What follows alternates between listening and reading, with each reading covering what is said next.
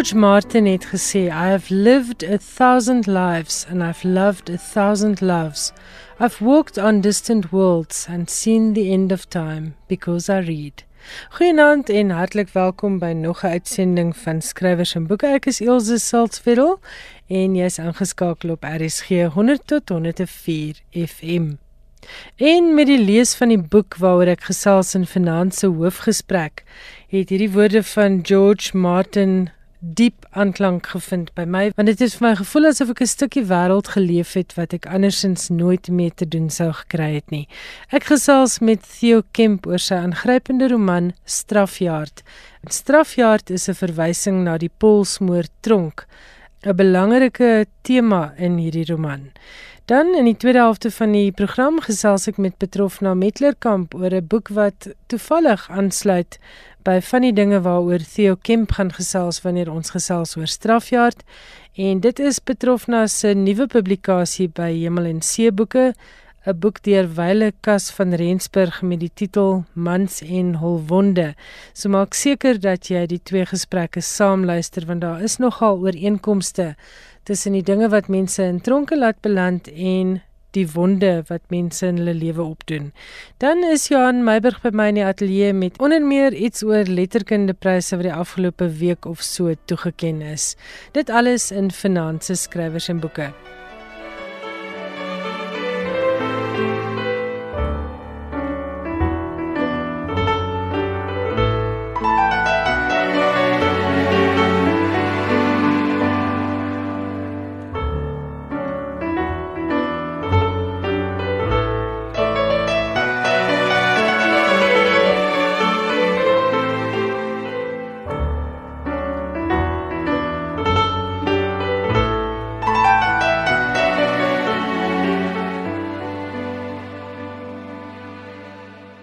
Gesels vanaand met Theo Kemp. Nou, hy is nie 'n onbekende hier by skrywers en boeke nie. Ons gesels dikwels met hom oor die werk van die Jacques Gerwel Stichting en in die verlede het ons ook met Theo gesels oor die werk by die Breitenberg Sentrum in Wellington. Uh Theo, baie welkom. Ons praat vanaand met jou in jou danigheid as romansier.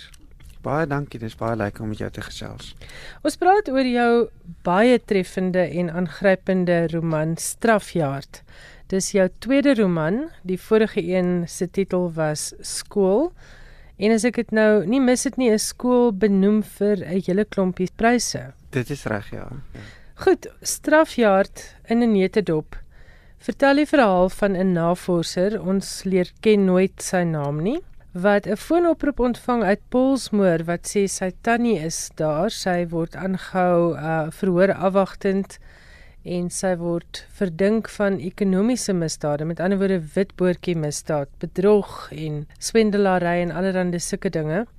Die navorser wat sy tyd verwyl met navorsing oor skeepswrakke aan die Kaapse kus, besluit dan om haar te besoek. Dit is 'n familielid met wie die verhoudinge lank reeds verbreek is, maar iets laat hom gaan om om haar te besoek. Haar naam is Lizet En tans hierdie besoeke aan Lizet in Polsmoor gaan daar 'n hele nuwe wêreld vir hom oop. Oor gevangenes, oor tronke, oor onreg, oor al hierdie ander dinge en dit begin hom uiteindelik amper verteer. Theo, waar kom die idee vir hierdie roman vandaan? Ek was baie lank besig met iets totaal anders uh om te probeer skryf na skool. Dit was nogal vir my 'n lang proses.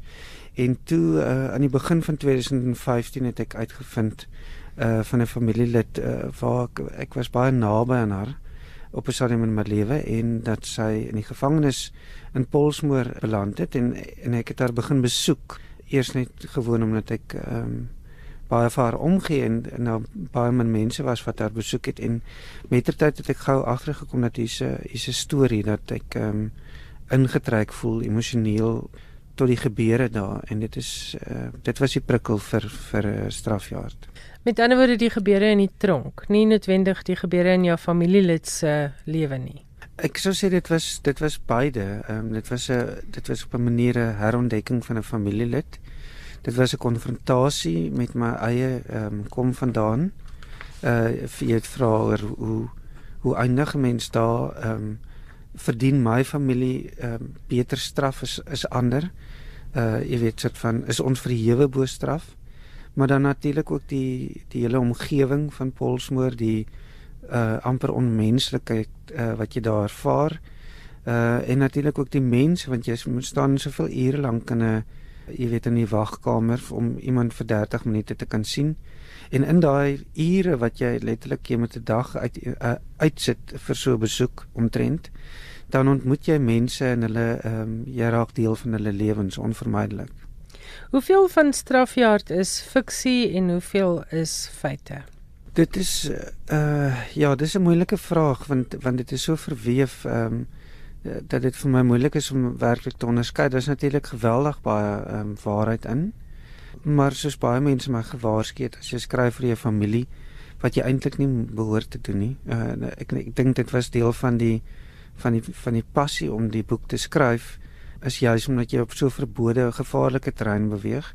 Maar daarvan moes ek natuurlik baie weg skryf En wat ek nie met skool gedoen het nie, wat ek met strafjaar gedoen het, is dat ek van die begin af myself die vryheid gegee het om om te verbeel. Want jy ontmoet so baie mense by die gevangenis, maar hulle kom en gaan.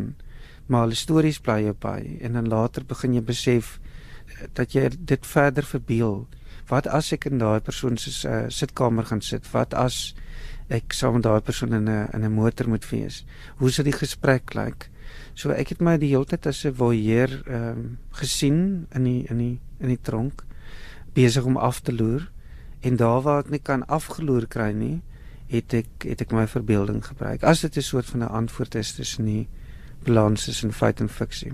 En ek lei af jy is nie so ryk soos die navorser hoofkarakter nie, né? Nee. Jy het nie drie plase geërf en kan nou jou tyd verwyl met 'n bietjie navorsing oor skeepswrakke nie. Nee, ek is verbind tot grond. Ek kom ek kom van 'n van 'n plaas af, maar ons was definitief nou nie in in soveel weelde gedompel nie. So wat jy vir ons sê is hierdie roman het genoeg fiksie om as 'n suiwer storie gelees te kan word. Ja, ek uh, dit is natuurlik nie 'n uh, roman in die sin dat dit uh, jy weet dat dit 'n fiksie is nie. Ek is nog nie daar nie. Ek weet nie vir my bly die vermenging tussen feit en fiksie 'n interessante gebied om om in te skryf en waarmee ek nou my kop besig is is maar weer in daardie rigting. So ek beny nogal skrywers wat uh, totaal fiktief kan werk. Ek weet nie, vir my is die wegspringplek uh, die waarheid.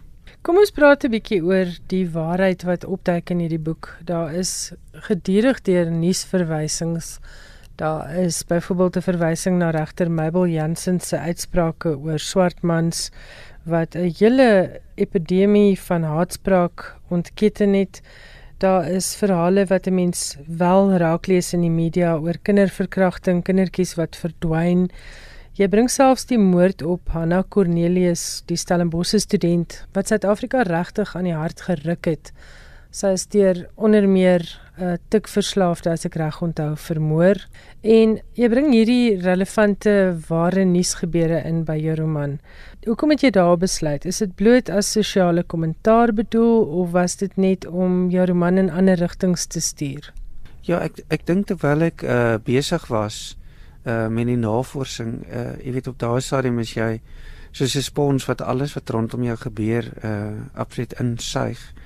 En dit het toevallig so gebeur jy weet dat terwyl jy besig is met die navorsing terwyl jy besig is met hierdie uh ongelooflike pad van selfrefleksie van van waarneming wat al jou skrywers sin tyd regop staan gebeur daar dinge soos 'n moord uh die moord op, moord op Anna Cornelius wat uh jy weet toevallig ook ons dogtertjies en dames so dit dit dit word so verweef met mekaar uh en jy word eintlik so oorweldig dit is soos 'n uh, dis soos 'n film wat net aanhou loop en loop en loop met beelde. Uh en jy kan nie anders as om dit te interpreteer in die werk waarmee jy besig is nie. Wat juis handel oor hierdie vraagstukke rondom skuld, uh slagoffer, uh oortreding, misdaad, uh uitsprake deur regters wat heeltemal moedeloos is of dit is soos ek het afgelei. So dit dit stuur die heeltyd jou boek uh, na verskeie rigtings. Dit is soos 'n 'n klein bootjie in 'n verskriklike malende see, jy weet jy die branders leer jy mee in die in die branders is dit wat jy elke oggend in jou koerant lees. As jy dalk nou pas ingeskakel het, ek is Elsje Salzwetel, hierdie is skrywers en boeke en ek gesels vanaand met Theo Kemp, die skrywer van Strafjaard, 'n roman wat onder meer afspeel in Polsmoor gevangenis in Kaapstad. Kom ons praat oor die see as tema. Dit is nou interessant dat jy die metafoor gebruik het van die media wat soos 'n onstuimige see is in ons lewens. Die see speel 'n belangrike rol in hierdie boek. Daar is allerlei subtekste waar mens die see raak lees. Lizet uh is onder meer beskuldig van bedrog wat die see en perlemoen en uh visserskontrakte en dinge insluit. Daar is 'n visserman uh, wat nou 'n kok is wat jou karakter raakloop by Polsmoor waaroor jy baie skryf.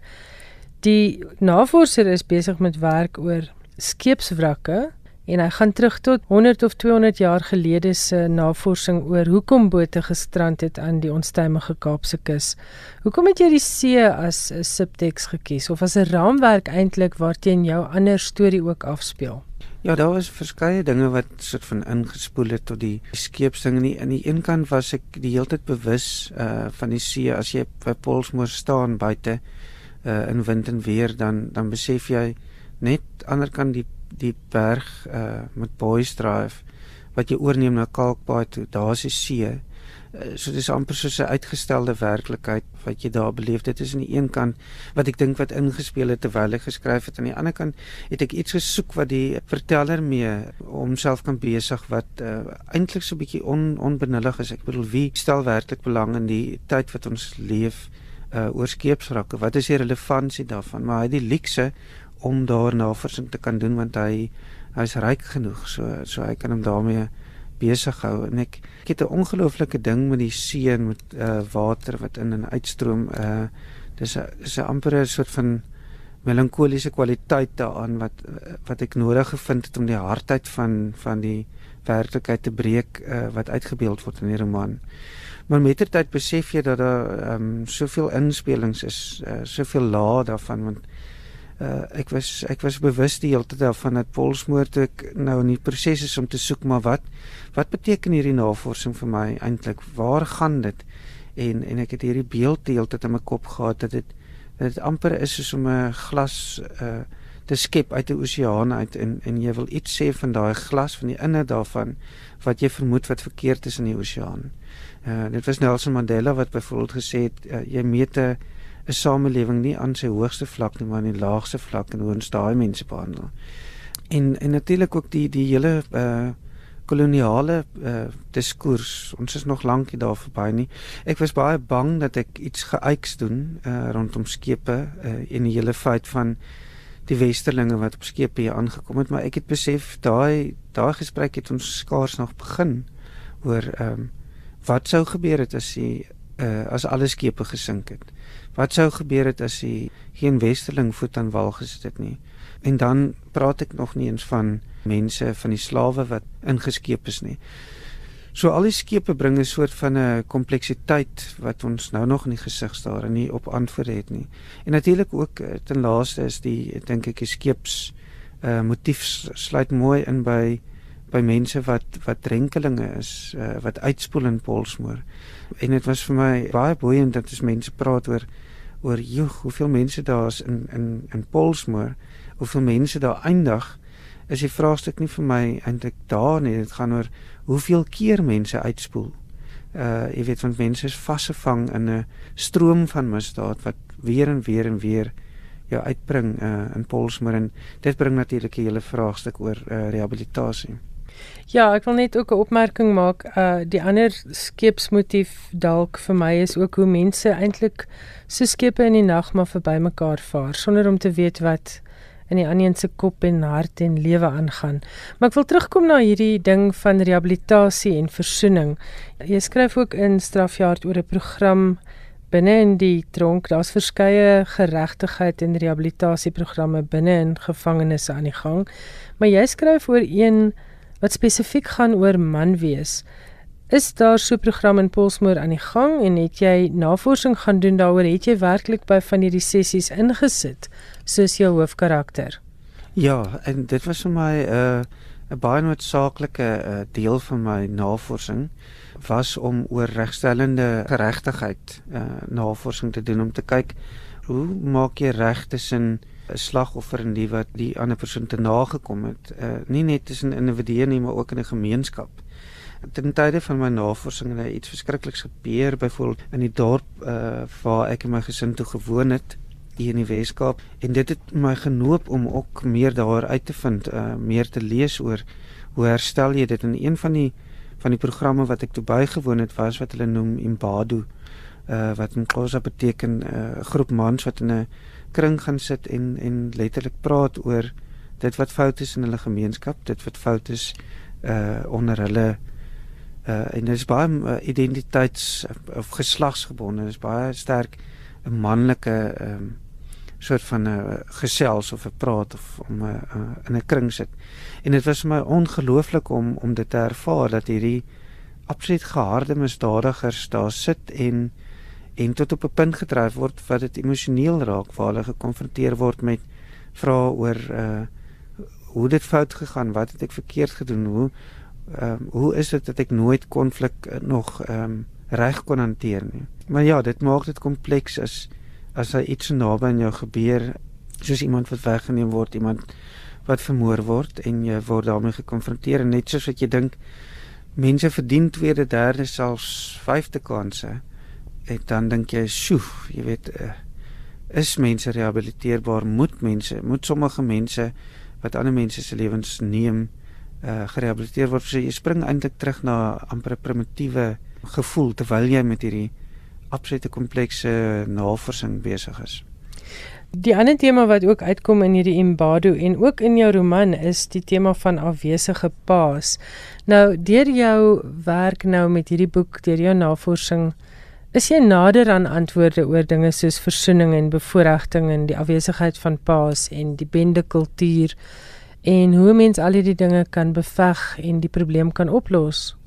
Ja, ek ek dink uh die beeld wat jy nou net vir my gegee het wat ek nie vroeër aan gedink het nie is dat ons so skep is wat verby mekaar seil. Dit is vir my nogal 'n mooi beeld.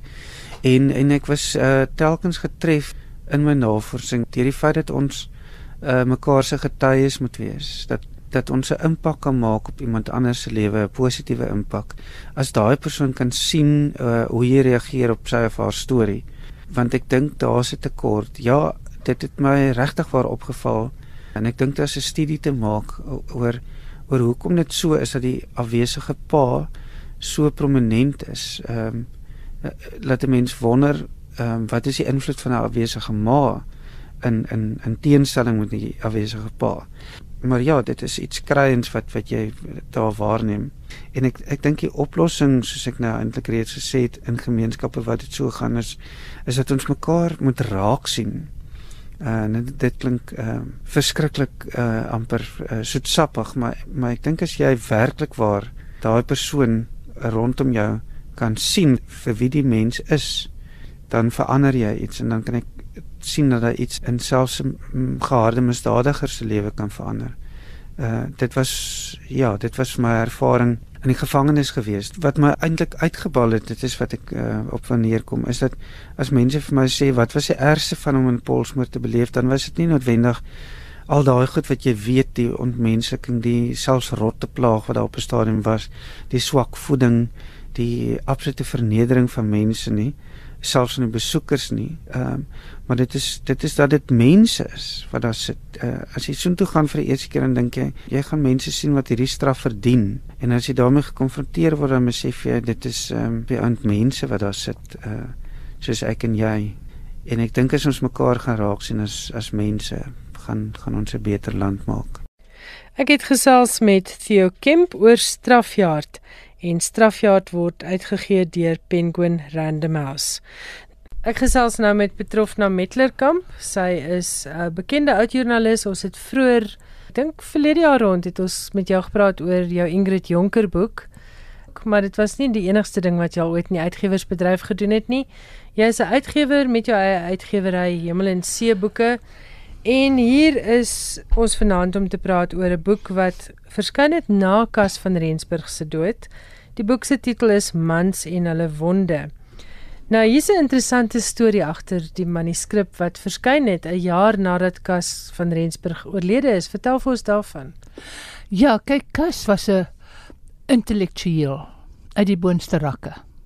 Sy boekery, sy leeswerk, sy notaboeke spreek van dit is net 'n denker en 'n baie gesofistikeerde leser en 'n gesofistikeerde skrywer. En 'n filosoof, né? En 'n filosoof. Ja. En 'n Jungiaan, 'n opgeleide Jungiaan. Ja.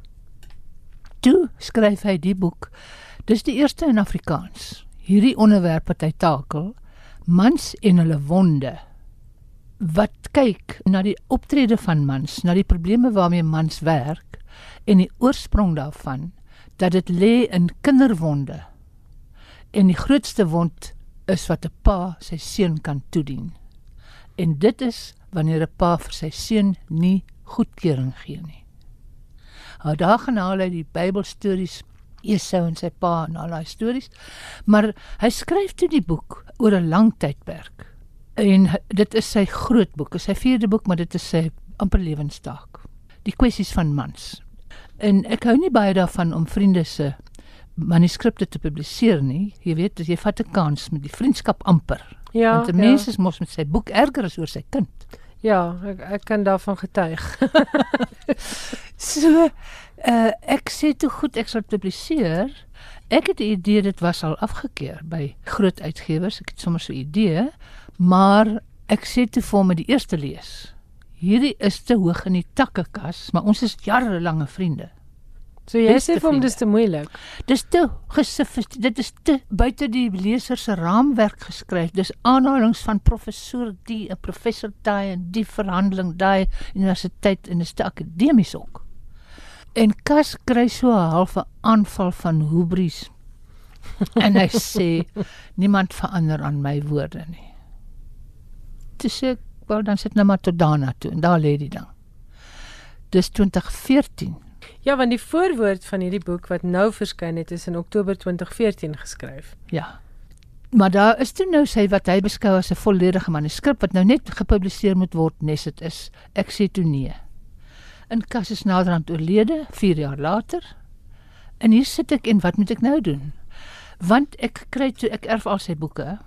Ek erf al sy notaboeke en ek is toe op soek na iets anders. 'n Feit wat ek baie nodig het in verband met sy erflating wat finansies betref. En om dit te kan vind, soek ek al sy notaboeke deur. En daar kom ek agter wat se werk in die boek ingegaan het.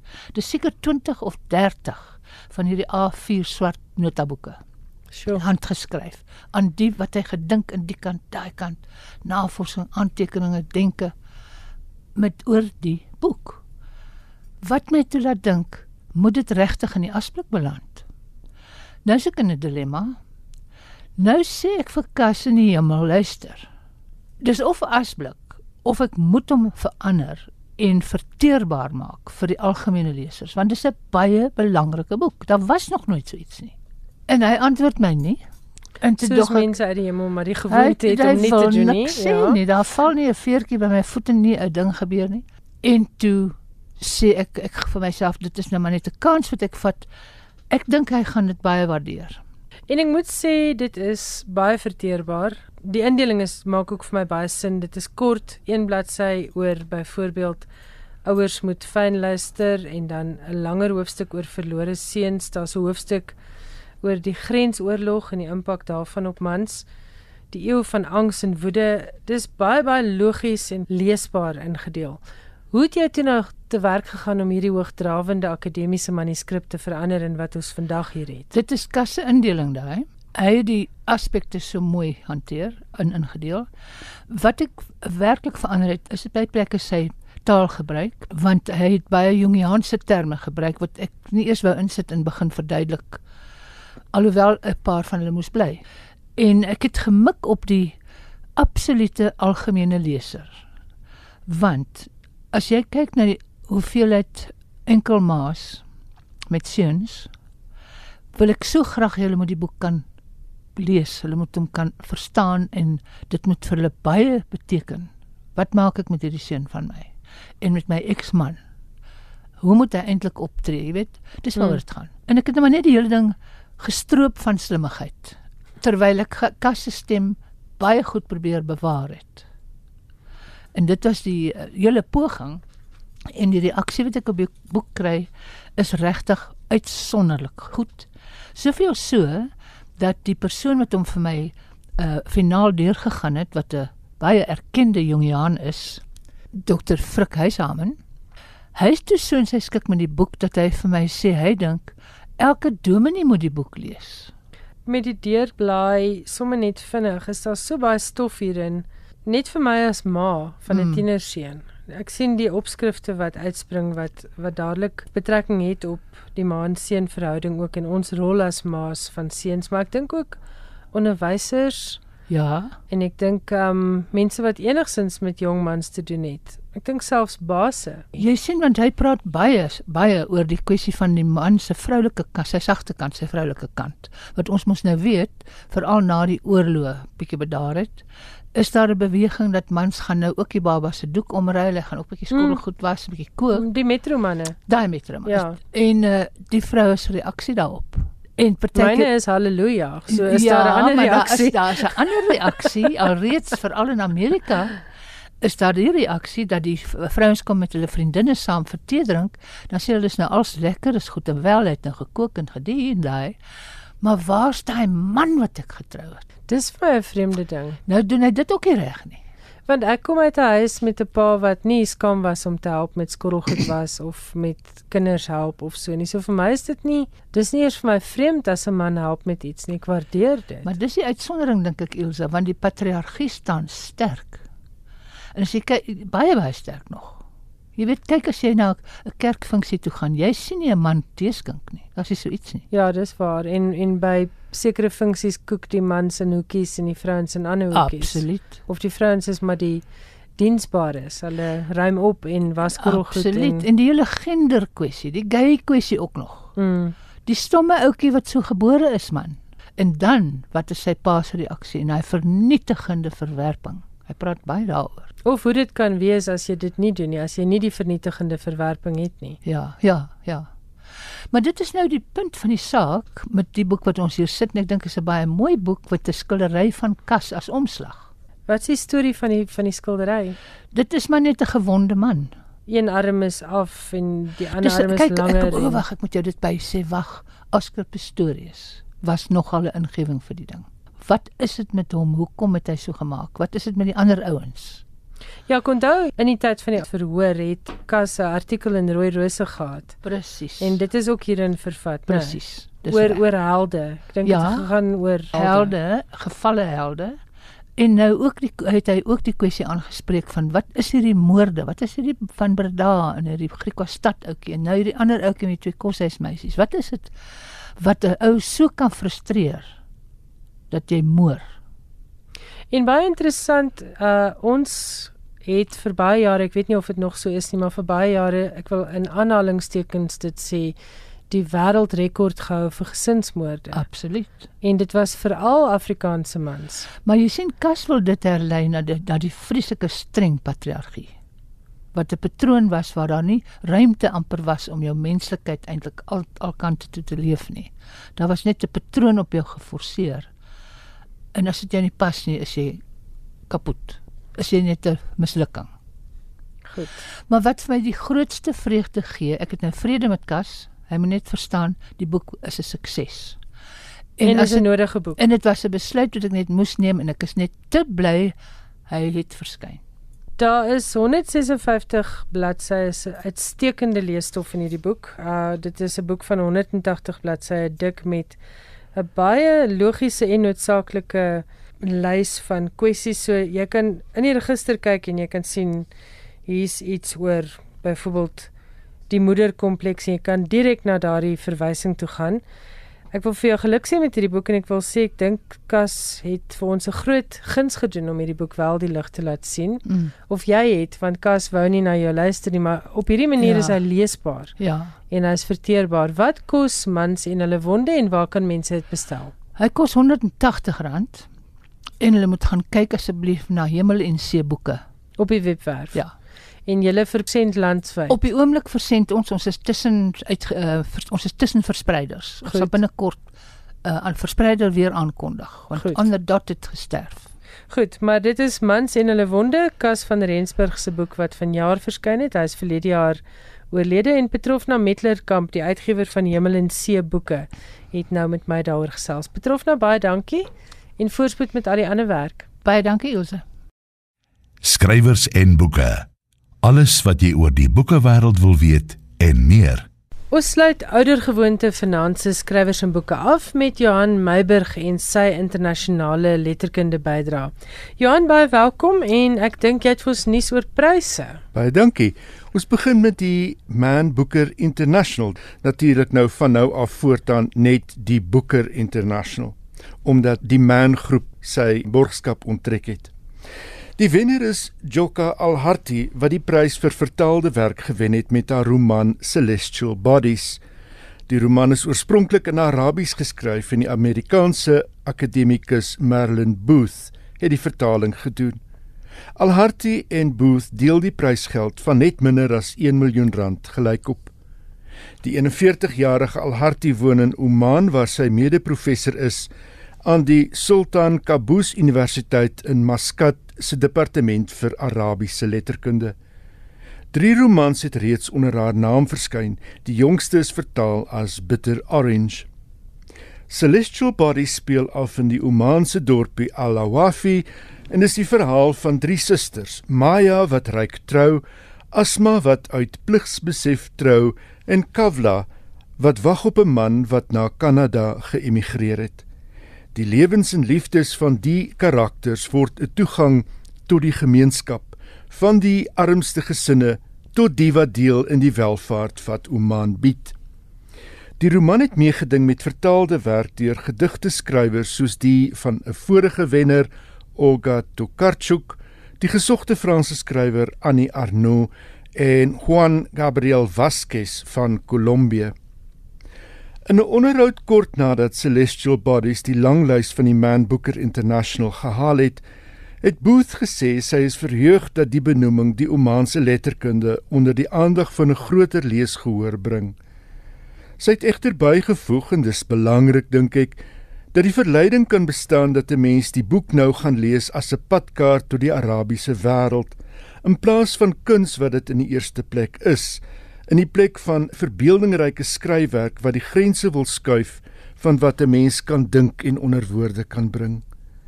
Wat 'n mens wel te wete kom oor die Arabiese wêreld, het Booth gesê, is die feit dat daar verstommende skrywers is, ook in minder bekende plekke. Hulle is nie almal gesete in Egipte of Palestina of Libanon of Marokko nie, maar ook in 'n land soos Oman. Die verrassendste aspek het sy gesê, is dat 'n mens agterkom gemeenskappe wat jy gedink het soveel anders is, is in wese niks anders as die een waarvan jy deel is nie. Joka Al-Harti se roman Celestial Bodies word uitgegee deur Sandstone Press. En dan is die Rathbones prys ook toegeken. Ja, 'n paar weke gelede het ons geluister na 'n voorlesing van 'n gedig deur die Londense digter Raymond Antrobus. Hy het voorgeles uit sy bundel The Perseverance. In daardie stadium was hy nog net 'n benoemde. Maar nou het hy die Rathbones prys losgeslaan en is hy ook boonop die eerste digter wat dit regkry. Die bundel het reeds die Ted Hughes prys verower en ook die Geoffrey Demer prys wat die Poetry Society aan hom toegeken het. Die bundel is ook aangewys as The Guardian en The Sunday Times se digbundel van die jaar. Die Jamaikaans-Britse Antrobus is op 6 as doof gediagnoseer en die bundel sluit heel party verse in wat verwys na sy doofheid, na die tyd van diagnose, maar ook na persepsies van doofheid. Die Rathbones-prys, vroeër bekend as die Folio-prys, is in die lewe geroep as 'n prys vir fiksie, maar poësie en nie fiksie kom deesdae ook in aanmerking.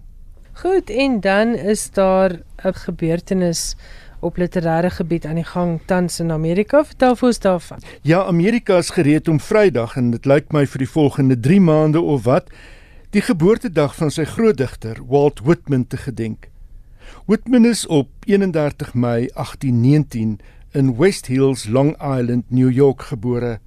Hy het in Brooklyn groot geword en ook daar skool gegaan. Op 12 het Whitman kennis gemaak met die drukkersbedryf en die geskrewe woord het deel geword van sy leefwêreld. Boeke wat van jongs af 'n indruk op hom gemaak het, was benewens die Bybel ook die werk van Homerus, Dante en Shakespeare. Op 17 het hy sy loopbaan as onderwyser begin en hy was onderwyser in Long Island tot en met 1841 toe sy loopbaan in die journalistiek begin het. Hy het die koerant The Long Islander begin en was later ook redakteur van koerante in Brooklyn, New York en New Orleans waar hy direk met slaweveilinge te doen gekry het. Hy is onder meer verwyd oor sy liberale politieke oortuigings. Hoewel Whitman bloot volgehou het, sy leidster is menswaardigheid. Intussen het hy sy eie soortige vrye verse bly skryf en in 1855 het hy die eerste uitgawe van Leaves of Grass self uitgegee. Die bundel het bestaan uit 12 gedigte en 'n voorwoord. 'n Tweede uitgawe het die volgende jaar verskyn met 32 gedigte en 'n brief van Ralph Waldo Emerson waarin hy die werk van Whitman aanprys, asook 'n antwoord van Whitman op Emerson se brief. Sy lewe lank het Whitman die bundel bly verfyn en verskeie uitgawes gepubliseer. In 1862 is Whitman na Washington waar hy na sy broer omgesien het wat in die burgeroorlog gewond is. Die oorlog het Whitman beskryf as the greatest suffering I ever experienced in my life. Whitman het in Washington aangebly en as verpleer begin werk. Later het hy 'n betrekking by die departement van binnelandse sake aanvaar, maar toe sy baas James Harlan uitvind hy is die skrywer van Leaves of Grass, het die hom terstond in die pad gesteek. Harlan het gemeen die bundel is aanstootlik. In 1873 het Whitman 'n beroerte aanval gehad wat hom gedeeltelik verlam gelaat het. Hy het hom in Camden in New Jersey gaan vestig waar hy gewoon het tot en met sy dood in 1892. As 'n mens gewoon net die kolle in die biografiese gegevens verbind, kry jy 'n aanduiding van Whitman se ingesteldheid teenoor die lewe en die mensdom. En is dit nie verrassend nie dat dit juis neerslag vind in sy poësie 'n registrasie van Amerikaanse romantiek in meer spesifiek van 'n Amerikaanse en demokratiese uitkyk. Walt Whitman se skadu lê lank en breed oor die land, maar eweso in die wêreld van die internasionale letterkunde. Hier lees Orson Welles die 48ste deel uit die gedig Song of Myself uit Walt Whitman se Leaves of Grass voor. I have said that the soul is not more than the body, and I have said that the body is not more than the soul. And nothing, not God, is greater to one than oneself is. And whoever walks a furlong without sympathy walks to his own funeral dressed in his shroud. And I or you, pocketless of a dime, may purchase the pick of the earth, and to glance with an eye or show a bean in its pod confounds the learning of all times. And there is no trade or employment, but the young man following it may become a hero. And there is no object so soft, but it makes a hub for the wheeled universe. And I say to any man or woman, let your soul stand cool and composed before a million universes. And I say to mankind, be not curious about God. For I, who am curious about each, am not curious about God. No array of terms can say how much I am at peace about God and about death. I hear and behold God in every object, yet understand God not in the least. Nor do I understand who there can be more wonderful than myself. Why should I wish to see God better than this day? I see something of God each hour of the 24, and each moment then, In the faces of men and women I see God, and in my own face in the glass. I find letters from God dropped in the street, and every one is signed by God's name. And I leave them where they are, for I know that wheresoever I go, others will punctually come forever and ever. Nou dit was 'n stem so reg uit die argiewe, die stem van Orson Welles en hy het 'n Walt of 'n gedeelte van 'n Walt Whitman gedig voorgeles. Johan, ek wil terugkom na 'n pragtige woord wat jy gebruik het, luidster. Dis iets wat ek nie dikwels in Afrikaans hoor nie. Wel, ehm um, ja.